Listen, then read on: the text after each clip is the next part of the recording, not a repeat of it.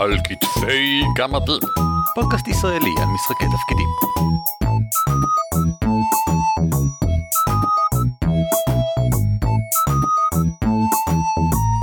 שלום וברוכים הבאים לפרק 194 של על כתפי גמדים, פודקאסט ישראלי העוסק במשחקי תפקידים. שמי הוא ערן אבירם. נעים מאוד, אני אורי ליפשיץ. וביחד אנחנו ערן ואורי והיום אנחנו מדברים על החשש לפעול, על מה שמפריע לנו, מה שאולי עוצר בעדנו מלשחק את המשחק שאנחנו רוצים לשחק. כי משחקי תפקידים בגדול נוצרים רק מתוך כך שאנשים יושבים מסביב לשולחן ומשחקים ביחד וכל אחד אומר מה הוא עושה או אם אתה מנחה מה קורה וכן הלאה. אבל לא תמיד אפשר לעשות את זה או אולי יותר נכון להגיד לא תמיד אתה מרגיש בנוח להגיד את מה שאתה רוצה להגיד ולפעול ויש לזה כל מיני סיבות ולפעמים זה מוצדק ולפעמים זה לא מוצדק ואנחנו רוצים להבין למה ואולי לפתור את זה. אז בוא נתחיל אורי במה קורה כאן. קודם כל כמו שאמרת אנחנו מדברים על חשש אנחנו מדברים על דברים שכשאנחנו באים לשולחן המשחק ויש החלטה כלשהי שאנחנו רוצים לבצע הצעה שאנחנו רוצים להציע פעולה מסוימת לדמות שלנו ואנחנו אומרים לעצמנו עדיף שאני לא אעשה את זה. השאלה היא למה אמרנו את זה ולמה אנחנו עוצרים את עצמנו ולפעמים זה יכול להיות פשוט חשש כי אני לא יודע אם זה רעיון טוב אני לא בטוח יצחקו עליי פה החבר'ה בקבוצה אז הוא מתאים לדמות שלי לא מתאים לדמות שלי. ומצד שני יש גם המון ביקורת עצמית. לא הרעיונות שלי לא טובים מספיק לא כולם פה ראו את כל סרטי קונן ever וקראו את הקומיקס ואני רק יודע לצטט את uh, what is best in life. אז אולי אני לא אציע מה נעשה עם השבויים שמצאנו כי מה לכרות להם את הרגליים יהיה מטופש מצד שני להוריד להם אצבע אצבע זה יהיה אכזרי מדי אז מה וכו'. עכשיו גם כשאני חושב על זה, זה מזכיר לי נורא את אחת מהסדנאות שמעבירה הילה דה קסטרו, אחת מהחברות בלמה באתי. יש לה סדנה שנקראת hang your judge, תלו את השופט שלכם, וזה מדבר על כל הרעיון של איך להתמודד עם ביקורת פנימית שאנחנו נותנים לעצמנו. ושמונעת ממנו, מאיתנו, לעשות את הדברים שאנחנו רוצים. עכשיו, הדברים שתיארתי עכשיו, אפשר לראות אותם קורים מאוד במשחקים נרטיביים, כמו פייט למשל. שבהם הצעות של השחקנים מבססות את, את כל העולם בעצם. וראיתי הרבה שחקנים שלא מציעים דברים בגלל כל הבעיות הקלאסיות שאמרנו עכשיו. לא, זה נראה לי רעיון טיפשי, לא יצחקו עליי וכדומה. שזה מטופש כי הדברים הטיפשיים שכולנו מציעים זה מה שהופך את המשחק לשלנו ולמה שאנחנו נהנים ממנו וכל כך כיפי ויפה ונהדר. זה הקסם הזה של משחק תפקידים של יצירה שיתופית. אבל גם במשחקים קלאסיים יותר, גם כאלה עם שיטות מאוד מאוד נוקשות, כמו מבחורים דרקונים, פאת'פיינדר או כל דבר אחר, אני נתקל בזה הרבה דווקא בגלל שהדברים שם הרבה יותר מובנים ועם מדדי יעילות ברורים. Mm. אז נורא קשה לשחק משהו שלא מתאים לאחת מהתבניות הברורות, וזה כן. גם משהו שלא תמיד מתקבל בהבנה בקבוצה. אני למשל משחק כרגע בקבוצת הפאת'פיינדר שלי את בסטר אברסקיל, מהאברסקילים של מגנימר אם שמעת עליהם. כן, אני מוכר לי. כן, והוא, אתה יודע, אני מניח את הקלפים על השולחן, בסטר לא בנוי כדמות היעילה ביותר שאפשר. הוא אפילו לא בנוי כדמות היעילה ביותר שאני יכול לפנות, למרות שאני בניתי אותו. מהמעט שאני יודע עליו, אה, אני אטען שהוא מאוד לא בנוי באופן יעיל. הוא, הוא כן מועיל, כן? אבל כן, הוא יכול כן, היה להיות כן. הרבה יותר יעיל בקרבות למשל וכדומה. כן. אבל אני לא בניתי אותו כדי להיות אה, ברד תומך לחימה 100%, או ברד התקפי 100%, או הילר 100%, או קומבו יעיל של הילר ו... ותומך לחימה. שכל אלה הם בילדים, אתה יודע, מוכרים ויעילים מאוד. כן. ברד יכול למלא המון תפקידים. ובניגוד לפופולר בליף, ברד יכול להיות מאוד מאוד מאוד יעיל בכמעט כל אחד מהם אם בונים אותו נכון. נכון. ובסטר לא יעיל.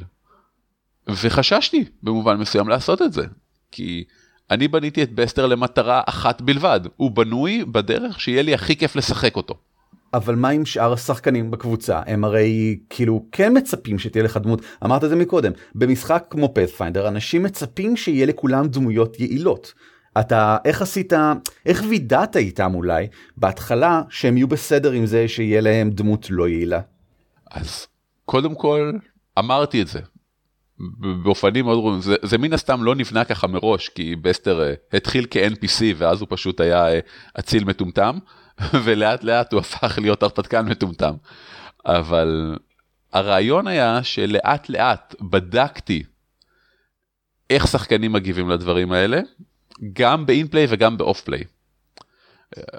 יש לנו לפעמים בקבוצת וואטסאפ של הקבוצה אנשים מתלבטים איזה איזה לחשים לבחור איזה חפצי קסם לקנות אנחנו מדברים אחד עם השני כי שוב פאת'פיינדר ואנחנו משחקים משחק מאוד טקטי כן. אז מאוד חשוב לנו לעשות את ההבחנות. ושלא יהיה כפילויות מיותרות וכדומה. ואני זוכר ששאלתי אנשים תשמעו הנה לחש סופר יעיל והנה שתי לחשים שיהיה לי הרבה יותר כיף לשחק. אני רוצה לקחת אחד משני הלחשים האלה. זה בסדר? ואנשים מאוד תמכו, לי, יש לי מזל שהקבוצה הזאת היא באמת נורא מקבלת וגם דברים uh, מטופשים כמו מה שאני עושה לרוב מתקבלים בהמון הבנה. וזה נהדר. זה יתרון של קבוצות ש, uh, של חברים שמשחקים איתם וזה גם זה לא פעם ראשונה שאתם משחקים ביחד בחבורה הזאת. Uh, כן בהחלט. אני דווקא זה לא נכון. מה אתה אומר? Uh, אני התחלתי לשחק את בסטר אחרי ששיחקתי עם הקבוצה הספציפית הזאת פעם אחת בוואן טיימר. אבל העזת להתחיל לתת לו דברים מטורפים אחרי שכבר הכרת אותם עוד לפני כן. לאט לאט בהתחלה בניתי טוב התחלה זה דרגה שלוש אין לך יותר מדי מה לבנות אבל בהתחלה זה היה ברד מאוד straight uh, forward ולאט לאט כשהבנתי יותר ויותר מה אני רוצה שהדמות הזאת תהיה ותעשה אז זה הלך יותר לכיוונים האלה. עכשיו בסטר אבר סקיל אני, אני לא רוצה שכל הפרק הזה יהיה עליו אבל הוא בנוי כקונספט של ever skill every skill. כן. הרעיון של בסטר היה שהוא דמות שמתמחה בסקילים. שזה לכל מי שמשחק ברור לו שזה לא החלטה טקטית נבונה מבחינת לחימה.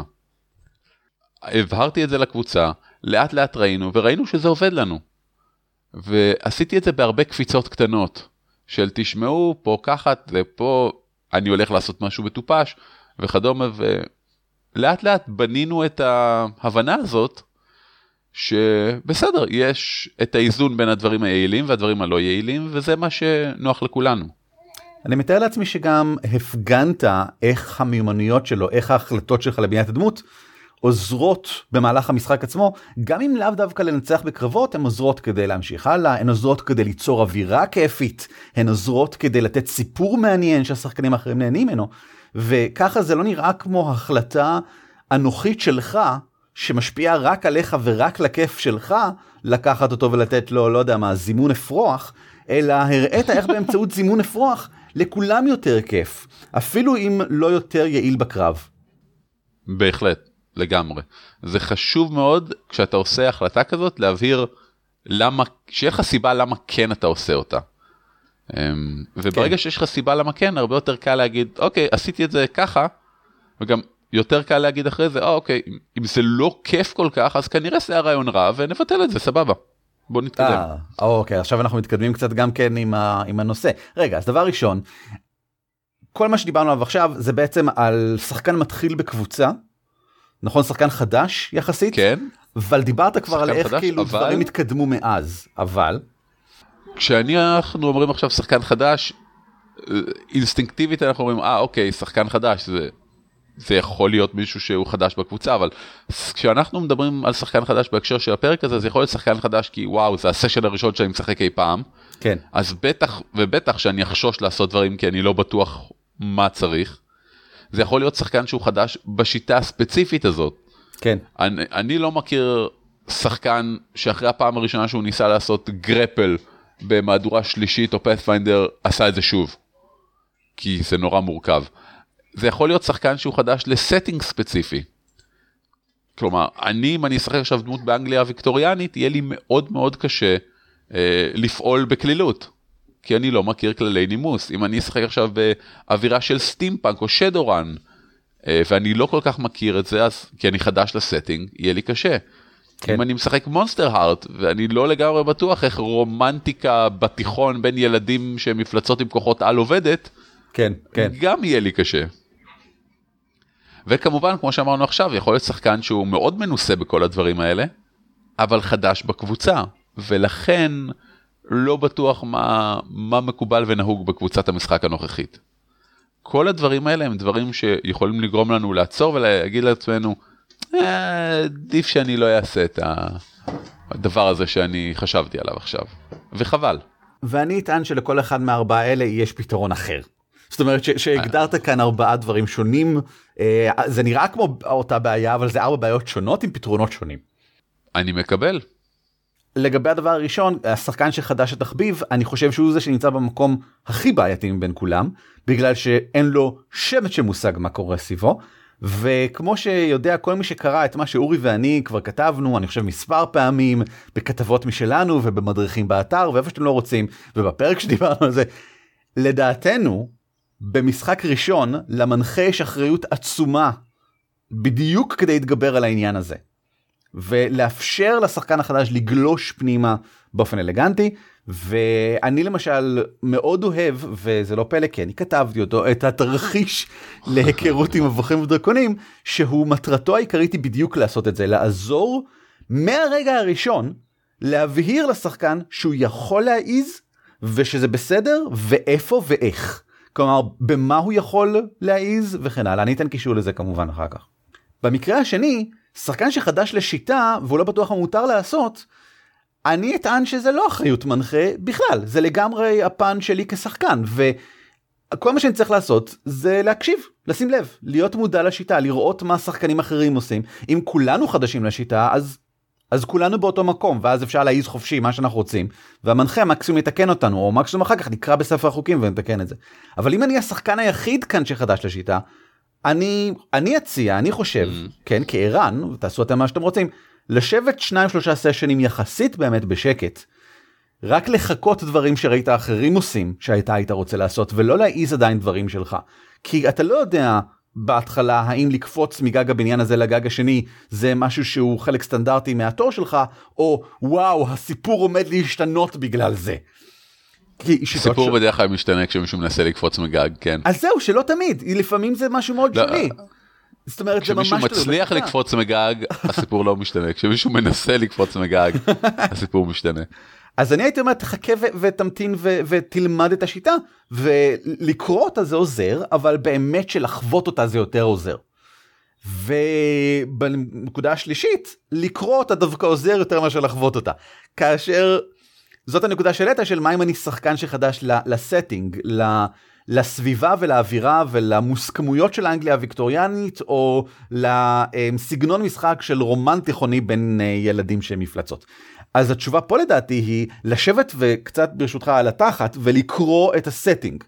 והרבה ממשחקי האינדי שנותנים סטינג מאוד מוזר, Monsterhearts ביניהם, עושים עבודה מצוינת בלהבהיר לך מה הציפיות שלך אמורות להיות מהסטינג ואיזה מין סוג של דברים אתה אמור ומצופה לעשות. אבל הם עושים את זה רק אם אתה יושב וקורא אותם. על שחקן חדש שמגיע לקבוצה שמשחקת במשחק לא סטנדרטי עם סטינג לא סטנדרטי שיעשה טובה בבקשה ולפני המשחק ישב איזה שעה באמת לא צריך יותר לקרוא קצת על הסטינג של המשחק ואני בטוח שהמנחה יכול לשלוח לו. בהחלט וגם מה שראיתי בהרבה משחקים מוצלחים זה recommended reading uh, and watching של ממש נכון סרטים, מאוד. סדרות, ספרים, uh, שב תראה פרק של באפי אם אתה הולך לשחק דמות תיכון עם כוחות על, ת, תעשה משהו. אנגליה ויקטוריאנית, תראה את Pride and Prejudice and Zombies, דברים שמבהירים מאוד איך הדברים האלה יכולים להיראות. בסדר גמור וה, והנקודה הרביעית שהעלית כבר נתת לה גם את הפתרון השחקן שחדש בקבוצה והוא לא בטוח מה מותר בהרגלים של הקבוצה הספציפית הזאתי. והפתרון שאתה נתת הוא מצוין לטווח ארוך למערכות אבל אני רוצה לתת נקודה חמישית בעייתית שלא דיברנו עליה וזה חד"פים. שחקן שחושש לפעול בחד"פ בגלל שהוא לא רוצה להעליב, הוא לא רוצה לקפוץ, הוא רוצה לתת לאחרים הזדמנות, הוא נחמד, הוא לא יודע מה המנחה מאשר. המצב החברתי עדיין לא מוצק. אה, אולי בשעה השנייה או השלישית של החד"פ דברים מתחילים להיות יותר מוצקים, אבל לפחות בהתחלה ויש שחקנים, אני הרצתי הרבה חד"פים והייתי שחקן בהרבה חד"פים, יש שחקנים שעד הסוף בייסיקלי לא מצליחים להרגיש מספיק בנוח ואני כמנחה חד"פים מאוד חשוב לי לגרום לתחושה של נוחות, שיעזו, שינסו. ואחת מהדרכים שאני עושה את זה זה באמצעות כך שאני דואג שלכל אחד יש ספוטלייט um, כך שלכל אחד יש הזדמנות לפעול ולעשות משהו ואני מעודד כל דבר ומבהיר שיש השלכות לכל דבר ובמידה ויש אז הן אישיות אם זה משהו שהמשחק ואני לא היינו רוצים לעודד. Uh, כי אנחנו לא רוצים שכל הקבוצה תיפגע מהחלטה טיפשית של מישהו אבל אני עדיין רוצה שהוא יבצע אותה כדי שירגיש בנוח אה, לפעול, פשוט ידע להבא לא לעשות את כזה מין סוג של דבר שוב פעם. וזה מאוד עוזר. העניין הזה של להבהיר לאנשים מה ההשלכה הסבירה כן. של המעשים שלהם זה מצוין. זה אחד מהדברים שהכי עוזרים לשחקן לנתב. אה, בעיניי, גם כי הוא אומר, טוב, אז אני יורה לתוך הקהל ולהגיד לו, תשמע, ברור לך ש... כנראה אתה הולך להרוג תריסר אנשים ושאין דרך שהמשטרה לא תשמע על זה. כן, כן. אה, ואז הוא, אה, משטרה אתה אומר אוקיי לא לא חשבתי שהקונספט הזה קיים נכון פה במצרים העתיקה אבל בסדר אה, טוב לדעת.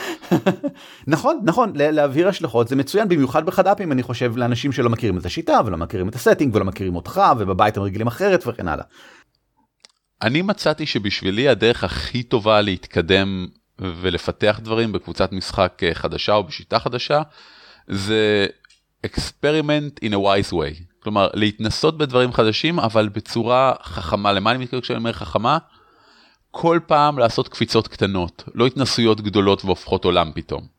צעדים קטנים, יש לך את, אה, שוב אני נותן דוגמאות מבסטר כי הוא דמות שמאוד אה, אה, מהווה דוגמה ישירה לבעיה הזאת בעיניי. אה, אוקיי, אז פה אני לוקח לחש שהוא פחות יעיל, אחד, אבל אני גם לוקח דברים יעילים כדי שיהיה לי את המשחק. צעד אחר קדימה, אוקיי, אז אני אומר, טוב חבר'ה, נראה לי שאני אלך לדבר עם הדוכס אפילו שהוא הארק וילן של המערכה. אה, לפעמים בתוך המשחק אני מוצא המון סיבות אינפליי לעשות דברים, כדי שיהיה דרך גם לשחקנים האחרים, גם אם לא נוח להם, להגיב לי גם אינפליי או גם אוף פליי, כדי שאני אדע איפה אני עומד ביחס לקבוצה. עכשיו, כשאתה עושה את זה בצעדים קטנים, נורא קל לאנשים בשלב מסוים לראות בדיוק איפה חצית את הגבול. אחד מהתובנות המדהימות ביותר שקיבלתי היה פעם בשיעור משחק, שאמרו לי, אמ, אתה לא יודע שעברת גבול עד שלא חצית אותו. Mm. וזה נכון, כי יש המון דברים שאתה יכול לעשות במשחק, שאתה אומר לעצמך, לא, לא, זה, זה too much, אבל בעצם שכולם נורא ייהנו מהם. ואתה לא תדע מתי זה too much עד שלא הגעת לשם. עכשיו אם זה בצעדים קטנים יש הרבה יותר הזדמנויות לעצור אותך בדרך. נכון. אם, אם אתה אומר טוב אני קושר אותו לכיסא ונותן לו סטירה, אנשים אומרים אה אוקיי סבבה אתה רוצה להרציא ממנו מידע ואז כשאתה אומר טוב אני שם את המוזיקה של כלבי אשמורת ושולף תער מהמגף שלי אנשים מתחילים להסתכל אחד על השני וכשאתה אומר אוקיי אני מתקרב לאוזן שלו ובזמן שאני לאט לאט מלקק אותה, אני לוקח ואוקיי, עד פה, תודה רבה, בואו בוא נגדיר מחדש את רמת האלימות הגרפית בקמפיין הזה. סבבה. החלק הכי חשוב ב experimenting כזה, זה הפידבק. תהיה קשוב לשחקנים האחרים, תראה מתי אתה הולך לחצות גבול, תהיה קשוב לדמויות האחרות, כי זה חלק מהדרך של שחקנים אחרים להגיד לך דברים. תבררו עם אנשים אחרי הסשן. שוב, אה, חבר'ה, היה, אני יודע שעשיתי כמה דברים קיצוניים פעמים, רק רציתי לוודא שהכל אה, סבבה עם כולם, כן, כן, לא, לא. אה, אם מישהו לא עונה, חשוב נורא לנסח את הדברים האלה, ככה שלאנשים יהיה נוח להגיב. אני מכיר הרבה אנשים ששולחים, וואי, איזה מגניב היה היום איך שפתחתי את הדרקון הזה, ועשינו סטייקים. ואף אחד לא עונה. זה כן. רמז אבל כן אבל יותר חשוב להגיד תשמעו לשאול שאלה שמחייבת תשובה. כן, כן, היום, כן. כן, היה סבבה היום, או שלעשות סטייקים מדרקון זה קצת יותר מדי? אם אתה מעז אה, ולוקח אה, פעילות אה, בתוך הסביבה הבדיונית, קח עליה אחריות ותוודא שהיא, תוודא עם האחרים שהיא לטעמם. בדיוק. גם לאו דווקא את טעמם, אלא האם היא שברה כלים למישהו, או ממש גרמה. למישהו לא ליהנות מהמשחק. סבבה. זה בסדר אם קצת לא לטעמם, אני מסכים, נכון. כן, שוב, כולנו מפרגנים אחד לשני, אבל אם לא ננהל את השיחות האלה, אף פעם לא נדע. אנחנו גם לא נדע אם פגענו במישהו בטעות, וחבל, כי זה סתם, זה מסוג הדברים שיכולים להרוס קמפיין, שאחרת יכול להיות נורא כיפי, או מצד שני, אף פעם לא נדע אם יכלנו ואנשים רצו שניקח Mm. את זה יותר רחוק, נכון. ואז נפספס לעצמנו קמפיין עוד יותר טוב.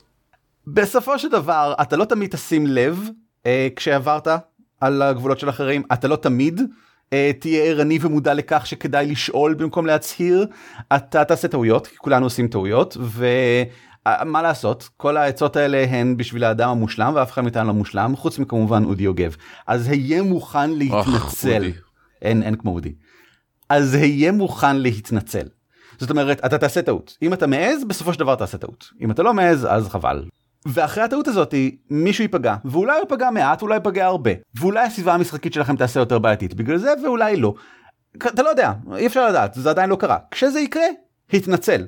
היה מוכן שוב פעם לקחת אחריות על מה שאתה עשית להיות מודע לכך שזה אתה שעשית אתה זה שצריך אם ככה גם להתמודד עם ההשלכות וההתמודדות הפשוטה ביותר היא סליחה אני ממש לא התכוונתי. בחיי כאילו זה לא מה שרציתי לעשות אתה צודק אנחנו נוודא לפעם הבאה שזה יהיה אחרת. מה בדיוק פגע בך רק שאני אוודא מה בדיוק הייתה הבעיה. מה כאן לא מסתדר כמו שצריך הדמות שלי לא יעילה אוקיי בסדר אני בוא נדבר על זה. האמת שבעצם עכשיו כשאני חושב על זה לא אמרתי שום דבר לגבי היעילות לפני כן נכון בוא נשב ונדבר על זה עכשיו. כן. תשמע, אני, אני יכול נורא להבין איך אנשים מאוד התעצבנו מזה שמישהו יוצר דמות שהיא ב, בהצהרתית לא יעילה. ו- ולהגיד משהו כמו, אוקיי, תשמעו, אני, אני מראש בניתי דמות שהיא אה, ליצן, אה, אני חושב שזה נורא תורם לאווירה ועושה מצחיקי. ויש קבוצות שיגידו, יואו, זה הדבר הכי מוצלח ששמעתי בחיי. ממש מצחיק. ויש קבוצות שיגידו, דוד, דרקון. מספיק כאילו, עם לא- המצחיקי. לא, לא, הפסיק להיות מצחיק כשעזבנו את העיר. דרקון. כן. וזה מעביר אותי מעולה לנקודת הזמלופיה שלי כי אתה דיברת מלא על הדמות שלך והגיע הזמן שנדבר קצת על הדמות שלי. או, זמלופיה. כי אני חושב שבאמת כמו ברוב הדברים אפשר להימנע מהרבה מאוד צרות אחר כך אם מתכננים היטב מראש וכמו שאתה די מוקדם הבנת מה אתה רוצה לעשות עם בסטר וחשוב מכך הבהרת לכולם לכל האחרים והתחלת להתייעץ, איתם כבר בשלב מוקדם ולהבהיר להם לאיזה כיוון אתה רוצה לקחת אותו. אני עצרתי את זמלופיה מההתחלה באופן מוצהר ובהסכמה עם השחקנים האחרים על מנת שתפרפל קדימה את המשחק. או במילים אחרות על מנת. לאפשר לי להעז לדחוף כל הזמן. שזה א', נושא שמגיע לו פרק משלו כי הוא מדהים. ב', תמשיך. זמלופיה אה, למי שלא מכיר אה, לא מדבר עליה הרבה עכשיו אבל דיברתי עליה לא מעט בפרקים אה, קדומים יותר באזור ה-100 עד 150 לדעתי שלנו וזה בגלל שזו הייתה הדמות העיקרית ששיחקתי באותה תקופה והיא פלדינית אה, של היומדה הקדושה וטיפלינגית וכל זה לא במקרה. דבר ראשון בגלל שהמערכה ששיחקנו זה מערכה על שדים וכאילו להתקיף שדים ולהיות אתה יודע כהנים קדושים או פלדינים קדושים וכן הלאה אז אני אוהב דברים כאלה אז אני אקח פלדין אבל חשוב מכך לקחתי פלדין כי אני מכיר את הקבוצה שלנו. הקבוצה שלנו נוטה להתעכב מלא מלא על מה לעשות הבא. לא רק באמצע קרב גם מחוץ לקרב בכל זמן בכל זמן היא מתעכבת על להחליט מה לעשות.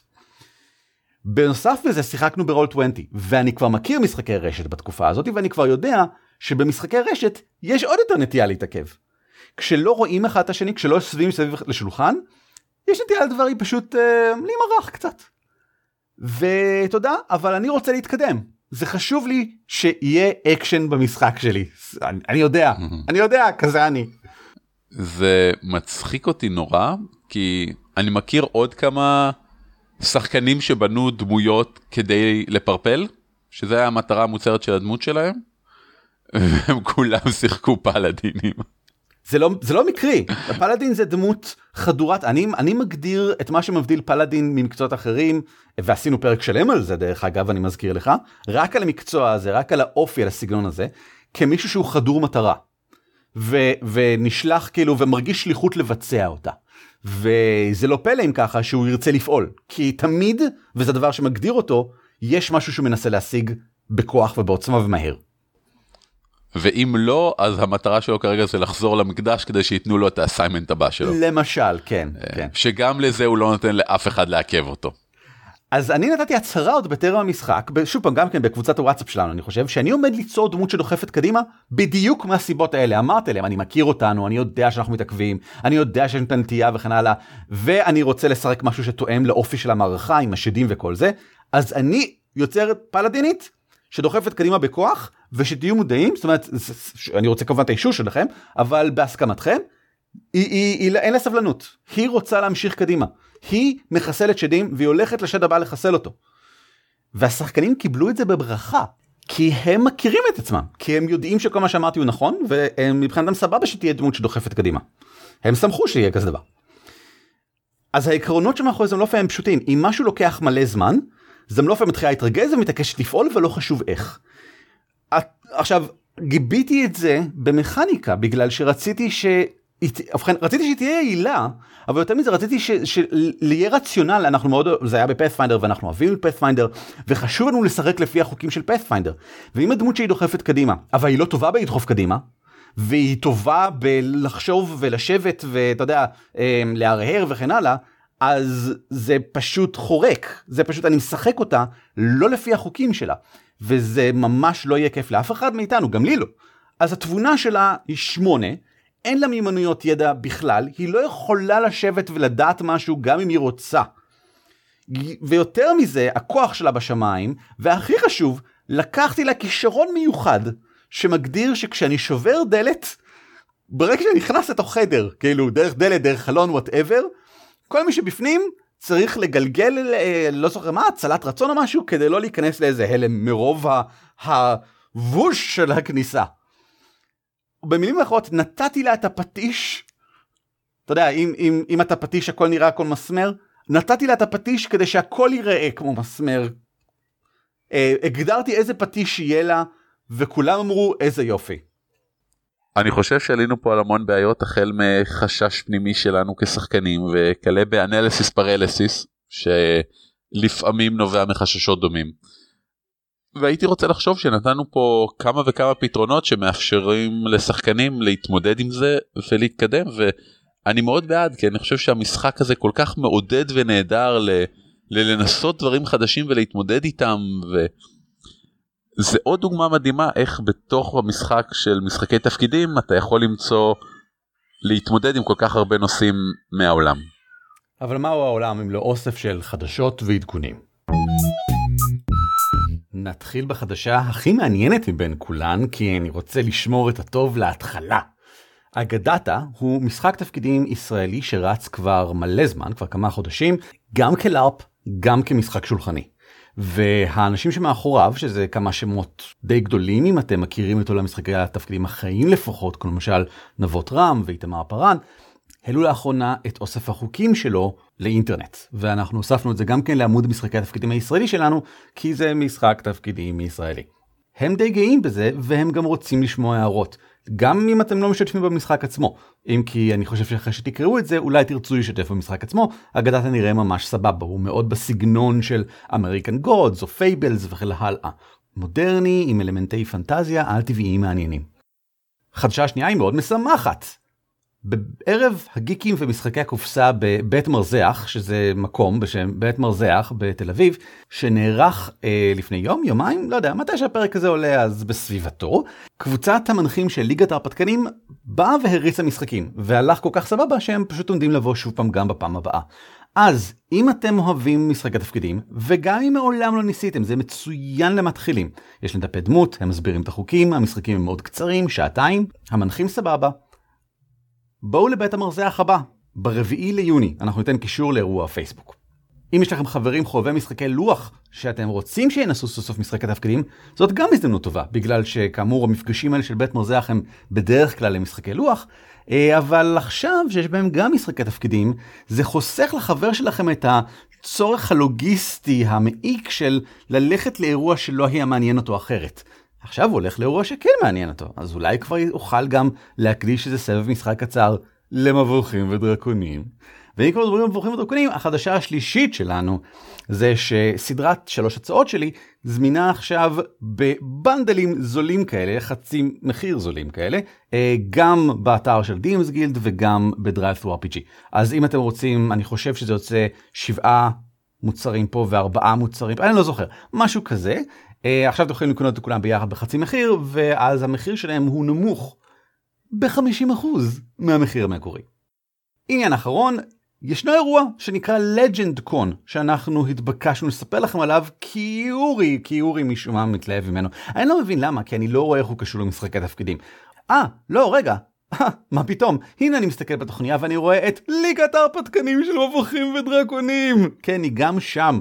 גם בלג'נד קון עומדים להיות אנשי הליגה, איזה יופי. חוץ מזה, בעיקרון כנס שמוקדש לאנימה ולגיימינג כללי, יהיה להם זירת RD&D שזה תרגום של זירת ללכת מכות. אבל זה גם מאוד מאוד אנימה, יהיה להם מייד קפה למי שמכיר את זה, הרצאות על כל מיני דברים, חלקם דווקא מהסוג, אתם יודעים, הנושק לתחום, כמו למשל פאנל על Overwatch, אה, על רבנים עם כוחות על מההיסטוריה היהודית, על מפלצות מהאגדה היהודית, פאנלים על יוטיוברים אה, ישראלים שנוגעים לתחום, וחוד וחוד ככל שיותיר להם הזמן, לא, כנראה שלא, התוכניה שלהם מאוד מהודקת, אז כנראה שבדיוק כפי מה שרשום בתוכניה. ניתן קישור בהערות של הפרק ובפנן שלכם. אל תשכחו כמובן את כנס דרקוניקון שנערך באוגוסט. אנחנו מנסים לעשות איזשהו פרק ראיון כזה עם אה, דניאל מהפונדק שיסביר קצת על כנס דרקוניקון הוא זה שמארגן אותו וייתן לנו שיעור רקע גם כן בכל זאת הכנס הוותיק ביותר של הקיץ שרץ כבר מלא שנים. וזהו ואם יש נושאים אחרים שאתם הייתם רוצים שנעשה עליהם פרק אל תעשו כרגיל לשלוח לנו לגמדים את roleplay.co.il או אם אתם אמיצים אפשר לנסות לשלוח לאינפו את dwarves.org.il אבל אני די בטוח שהמייל הזה לא עובד. אולי זה גולד את dwarves.org.il? כנראה שגם זה לא עובד. אני לא יודע, אתם יכולים לנסות ולראות מה קורה. זה הכל, תודה, שיהיה לכם יום נעים וניפגש פה בשבוע הבא. להתראות. על כתפי גמדים משותף ברישיון שיתוף ייחוס זהה Creative Commons 3.